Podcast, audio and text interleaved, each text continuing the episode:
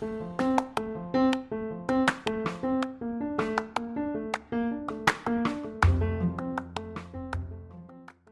ne haber? Bir önceki bölümümüzde Neil Armstrong'un tarihe geçen adımıyla uzaya çıkmıştık. Şimdi yine göklerde olacağız. Ama atmosfer sınırları içindeyiz bu sefer merak etme. Havacılık tarihine geçmiş bir ismin hayatına yakından bakacağız. Heyecanlı ve biraz da esrarengiz bir hikaye bizi bekliyor. Hazır mısın? Baştan söyleyelim. Bu içeriğimizin daha detaylı halini yazılı olarak biradımsonrası.com adresimizde bulabilirsin. Bugünkü konuğumuz erkek egemen bir toplumda ve sektörde tarihe geçecek cesarete sahip olan Amelie Earhart. Hayatın her döneminde dayatılan kalıplara uymayı reddeden ve kendi kurallarını yazan bir kadındı o. Kadınların bugün önemli yerlerde olduğu havacılık sektörü 1900'lerin ilk yarısında pek çok alanda da olduğu gibi erkeklerin dominasyonu altındaydı. 1897'de Amerika'da Kansas'ta doğan Amelia çocukluğundan beri gökyüzüne aşıktı desek şaşırmazsın değil mi? Ama öyle değildi. Uçaklarla ve uçmayla ilgili hiç hevesi yoktu. Hatta babasının götürdüğü bir karnavalda babasının ısrarlarına rağmen oradaki uçakla ilgilenmedi bile. Bu anı şöyle hatırlıyordu. Pas içerisinde kablo ve odun yığınından oluşan hiç de ilgi çekici olmayan bir şey. Yani Erhard'ın bu anısı bu tarz hikayelerde sıkça rastladığımız klasik bir ilk görüşte aşk hikayesi değil. Erhard'ın çocukluğundaki bir alışkanlığı onu belki de bugün tanımamıza yol açan an olabilir. Yıllar sonra kendisinin de bu isimler arasında yer alacağını bilmeden kendi alanlarında ilkleri başaran kadınlarla ilgili bilgileri ve haberleri topladığı bir defter tutuyordu. Ayrıca kız kardeşiyle dışarıda oynamayı, ağaçlara tırmanmayı ve maceralar peşinde koşmayı çok seviyordu. Maceraya olan tutkusunu da aklımızda tutalım şimdilik. Kendi seçtiği ve iyi bir bilim eğitimi aldığı liseden sonra gittiği üniversiteyi bitirmedi Erhard. Birinci Dünya Savaşı'nın başladığı dönemde Kanada'da yaşayan kız kardeşini ziyarete gitmişti. Savaştan dönen askerlerin hikayelerinden ve sorunlarından etkilenerek hemşirelik eğitimi almaya karar verdi. Kızılaç'a katıldı ve savaştan dönen askerlerin hikayelerine daha yakından şahit olmaya başladı. Uçmaya duyduğu ilginin başlangıcı da aslında bu zamanlara denk geliyor. Dinlediği hikayelerin etkileyiciliğine daha fazla dayanamayan genç Erhard, Toronto ve çevresindeki tüm uçuş karnavallarına katılmaya başladı. 1920'de bir etkinlikte ünlü bir pilot ile ilk uçuşunu deneyimleme şansı buldu. Havalanıp pist arkalarında kaldığında artık emindi Erhard. Dünyaya uçmak için geldiğine ikna oldu. Uçuş eğitimlerini tamamlamak için pek çok farklı işte çalıştı. Pek diye vurgularken abartmıyoruz. Kamyon şoförlüğünden stenograflığa çok geniş bir yelpazede mesleklerde yer aldı. Bu çalışmalar hem eğitimini karşılamasına hem de istediği uçağı almasına yetecek şekilde olana kadar devam etti.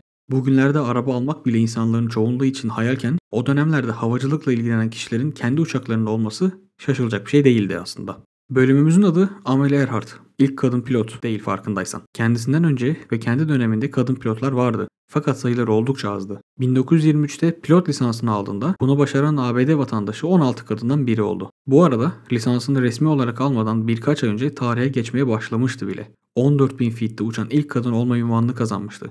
Asıl ün ise birkaç yıl sonra gelecekti. Evet, gelelim bizi bugün bir araya getiren o meşhur hikayeye. Amelia Earhart Amerika kıtasıyla Avrupa ve Afrika kıtalarını ayıran Atlas Okyanusu'nu geçen ilk kadın ünvanına sahip. Bunu hepimiz biliyoruz. Peki bunun aslında şans eseri olduğunu biliyor muydun? Hayır. Bir yere giderken şans eseri Atlantik'i geçmekten bahsetmiyoruz tabii ki. O koltukta yer alan kadının Earhart olması belki de kaderinde yer aldığını söylüyoruz. Şöyle ki 1928 yılında Atlantik'i geçmek ister misin sorusu ilk olarak Earhart'a sorulmamıştı. Amy Guest bu koltuğun sahibiydi. Fakat o dönemlerde yaşanan uçak kazalarından dolayı uçuşa katılmaktan vazgeçmişti. Yerine ise başka bir kadının oturmasını istiyordu. Bu soru ise o dönemlerde yıldızı parlamaya başlamış genç Earhart'a yöneltildi. Böylelikle 20 saat 40 dakikalık uçuşta Earhart yer aldı. Fakat Atlantik üzerindeyken uçağın kontrolünü hiç almadı. Galler iniş yaptıktan sonra İngiltere'ye kadar olan son ayakta pilot oldu. Bu tarihi anın ardından menajeri ve gelecekteki eşi George P. Putnam'ın da büyük katkılarıyla adını tarihe yazdıran en büyük ve en ünlü kadın pilotlardan biri haline geldi. Putnam, Earhart'ın hayatında oldukça önemli bir noktaya sahip. Earhart'ı doğru şekilde yönlendirerek hem pazarlama hem de kariyer anlamında pek çok şey kattı ona. Putnam çeşitli anlaşmalarla ona hem medya görünürlüğü sağlıyordu hem de uçmaya devam edebilmesi için finansmanını karşılamasına destek oluyordu. Dönemin ünlü markalarıyla farklı işbirlikleri yaptı Earhart.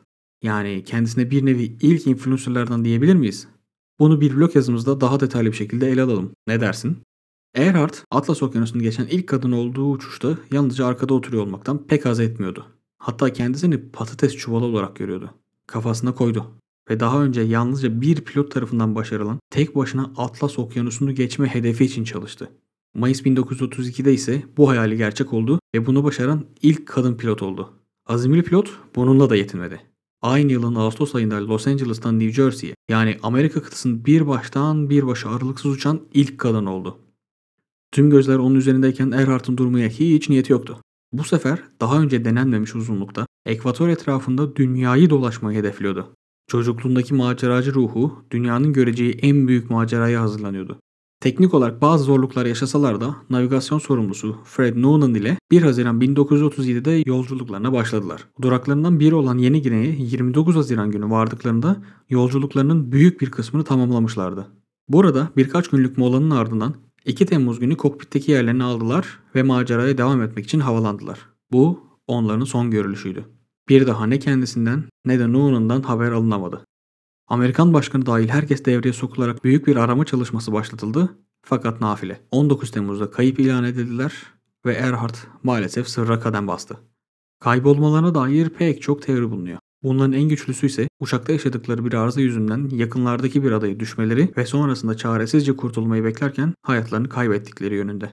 Erhard kırdığı rekorlarla ve cesaretiyle sık sık gazetelerin manşetlerini süslüyordu. Bu ününü kendisi gibi bu alana tutkuyla bağlı olan diğer kadınların eğitimi ve kariyeri için kullandı. Ülkenin dört yanında konuşmalar yaptı, dersler verdi. Kadınları erkek egemen olarak geçen mühendislik, doktorluk, havacılık gibi alanlarda daha aktif olmaları yönünde teşvik etti. The 99s, 99'lar isimli bir organizasyonun kuruluşunda liderlik yaparak kadın pilotların birbirine destek olabilecekleri bir platform oluşturdu. Savaşın etkilerinin ve erkek egemenliğinin yüksek olduğu yıllarda hayalleri ve azmi olan bir kadın olan Erhard tüm dünyadan kadın ve erkeklere ilham oldu. Bu hikayeden etkilenenler arasında yer alan ve ülkemizde de tarihe geçen bir ismi sonraki bölümlerde ve blog yazılarımızda yakından tanıyacağız. Evet doğru bildin Sabiha Gökçen.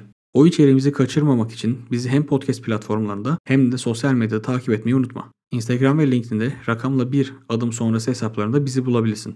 İlham dolu anlar, yeni bölüm duyuruları ve blog içeriklerimizde seni bekliyoruz.